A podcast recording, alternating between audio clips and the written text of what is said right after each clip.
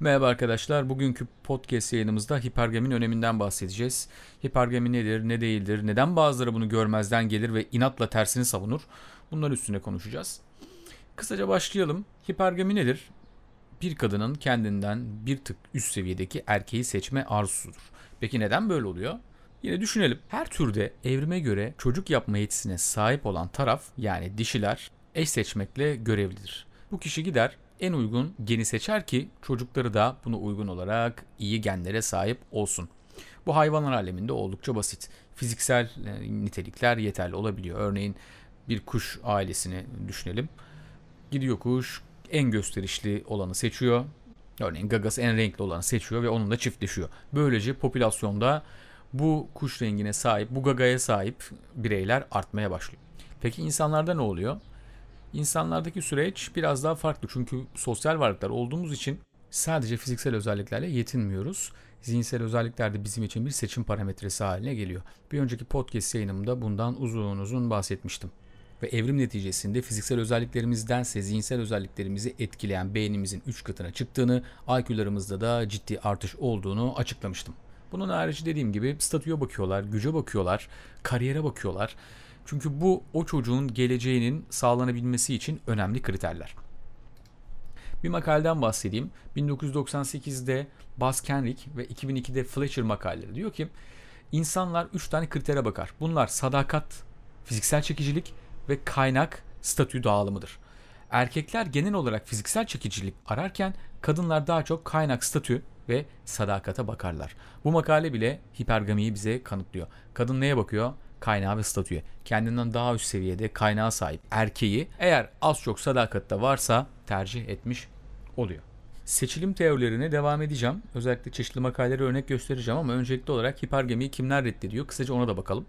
Bir, erkekler. Evet arkadaşlar maalesef erkeklerin bir bölümü bunu reddediyor. Çünkü kendilerini bir hakaret gibi görüyorlar. Kadının seçimini onaylamıyorlar. Yani şöyle düşünüyor. Ben seçilebilen bir varlık olamam. Ben çok üstünüm. Bu tipik aslında günümüzün modernleşmesiyle birlikte ortaya çıkan narsistçe bir tavır.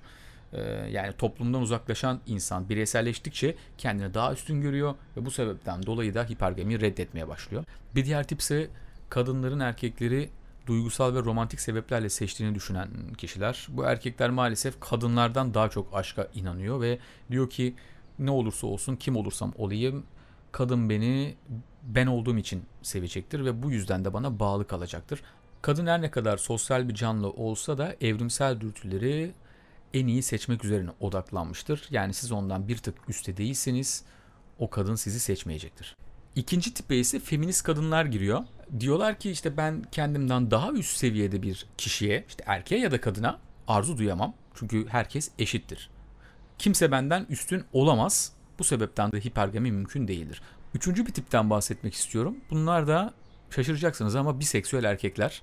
Biseksüel erkekler genellikle homoseksüelliğin etkisiyle hipergaminin kapanından kurtulurlar. Çünkü önceki yazılarımdan birinde anlattığım gibi homoseksüel erkeklerde seçicilik yoktur. Çünkü iki tarafta çocuk yapma yetkinliğine sahip değildir. Tesadüfi eşleşmeler görülebilir. Bu yüzden hipergamiyi tanımazlar. Ve yine yazımda anlattığım gibi bu erkekler çok eşliliğe oldukça yatkın kişilerdir. E tabii ki bunların yaptığı bir duyar değil. Bundan bahsedelim. Yani erkeklerin yaptığı ya da feminist kadınların yaptığı tam olarak bir duyar olarak algılanabilir. Fakat bu üçüncü tipin yaptığı bir duyar değil, tam tersi duyarsızlık. Yani böyle bir şey hiç yaşamadıkları için bilmiyorlar. Hatta Robin Baker kitabında bununla ilgili güzel bir örnek veriyor. Diyor ki biseksüel erkekler heteroseksüel erkeklere göre daha çabuk cinsellik yaşarlar. Bu da onları sosyal açıdan geliştirir. Bu yüzden kadınlara ulaşımları daha rahattır. Yani kadınlara daha rahat şekilde yaklaşırlar. Bu da cinsel başarılarını arttırır hatta çocuk sahibi bile olabilirler. Bu soruyu hallettiğimize göre ilerleyebiliriz ve hipergamiye geri dönebiliriz. Aslında hipergaminin olmadığını gösteren en ufak kanıt yokken esas problemimiz dişilerin neye istinaden erkekleri seçtiğidir.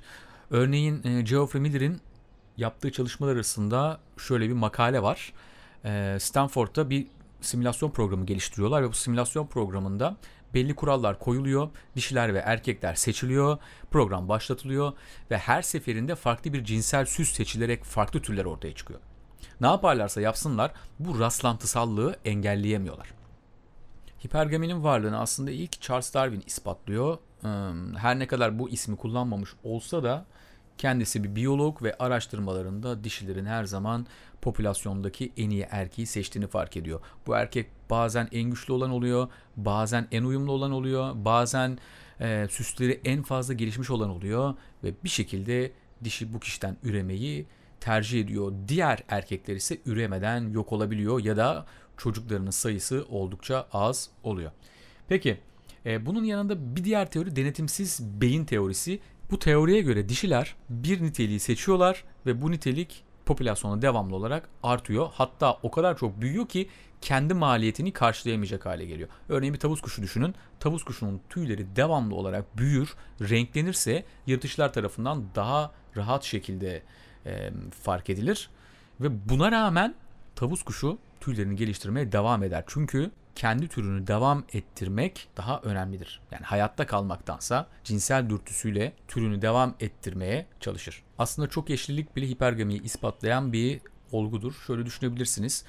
Bir sürüde en gösterişli, en kaliteli erkeğin seçileceği ortadadır ve çok eşlik sebebiyle bütün dişiler bu erkeğe yönelir ve özgür iradeleriyle bu erkek tarafından döllenmeye çalışırlar. Eğer çok eşlilik insanlarda da geçerliliğini korusaydı şu an birçok erkek elenecekti. Çünkü kadınlar en popüler, en iyi özelliklere sahip, en uyumlu geni seçecekti ve diğerleri elenecekti. Tek eşli canlılara baktığımız zaman, örneğin kuğulara baktığınız zaman veya çeşitli kurt sürülerine baktığınız zaman iki türünde birbirine çok yakın özellikler sergilediğini görürsünüz. Fiziksel özellikleri neredeyse aynıdır, görünüşleri neredeyse aynıdır. Bu türlerde monogami etkindir. Çünkü ortada kendisinden daha iyi görsele sahip herhangi bir erkek yoktur. Bu sadece günümüz için geçerli değil, binlerce yıl önceki yapılan genetik çalışmalarla da ispatlanıyor.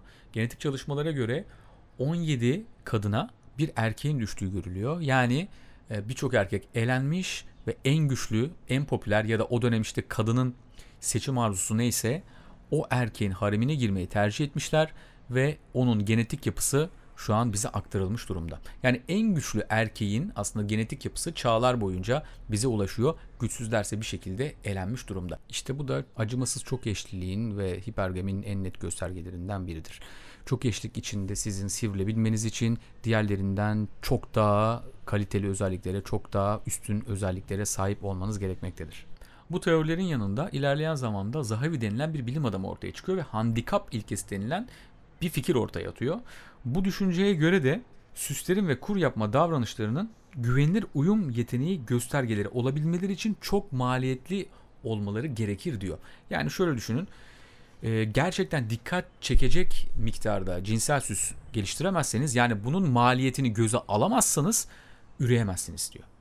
Bu görüşleri insan toplumuna uyarlayan bir diğer biyolog Veblen diyor ki insanlar gösteriş toplumunun üyeleridir ve aşırı tüketimle bütün kaynaklarını harcayarak kendilerini buradayım diye gösterirler. Şöyle ki örneğin erkeksiniz diyelim. Maaşınız bir tane yüzüğü almaya zor yetiyorsa bu yüzüğü alamazsınız. Yüzüğü almak yerine kendi yaşamınıza uyum sağlayarak ne yaparsınız? Hayatını sürdürürsünüz. Ama zengin bir erkek ne yapar? Kendini ön plana çıkartmak için gerekirse 3 tane yüzük alır. BMW arabayla gelir. Bir şekilde her türlü e, imkanını kullanır. Yani bu maliyeti üzerine alır ve kadını etkilemeye çalışır. İşte buna Veblen gösterici tüketim ilkesi ismini vermiştir. Önemli bir teori ve hipergamini yine temellerini oluşturuyor. Gerçekten bunların hiçbirisini bilmenize de gerek yok aslında. Bir şekilde e, geçmişe baktığınız zaman zenginlerin, rockstarların, e, büyük devlet adamlarının hep çok fazla kadına ulaştığını görürsünüz. Yani kadınlar en üstteki, tepedeki e, erkeklere ulaşmak için her zaman mücadele etmiştir. Hatta 80'lerde, 70'lerde hatta grupi kavramı vardı. Grupiler ne yapıyorlardı? Rockstarlarla birlikte bir gece, iki gece geçirebilmek için devamlı onların yanında geziyorlardı. Bir şekilde onların reklamı oluyorlardı ve seks yapıyorlardı ve seks yaparken diğer kadınların da varlığını biliyorlardı. Yani bir şekilde bu insanların haremine girmeye özen gösteriyorlardı. Hipergamiyi destekleyen bir diğer kavram ise fahişelik.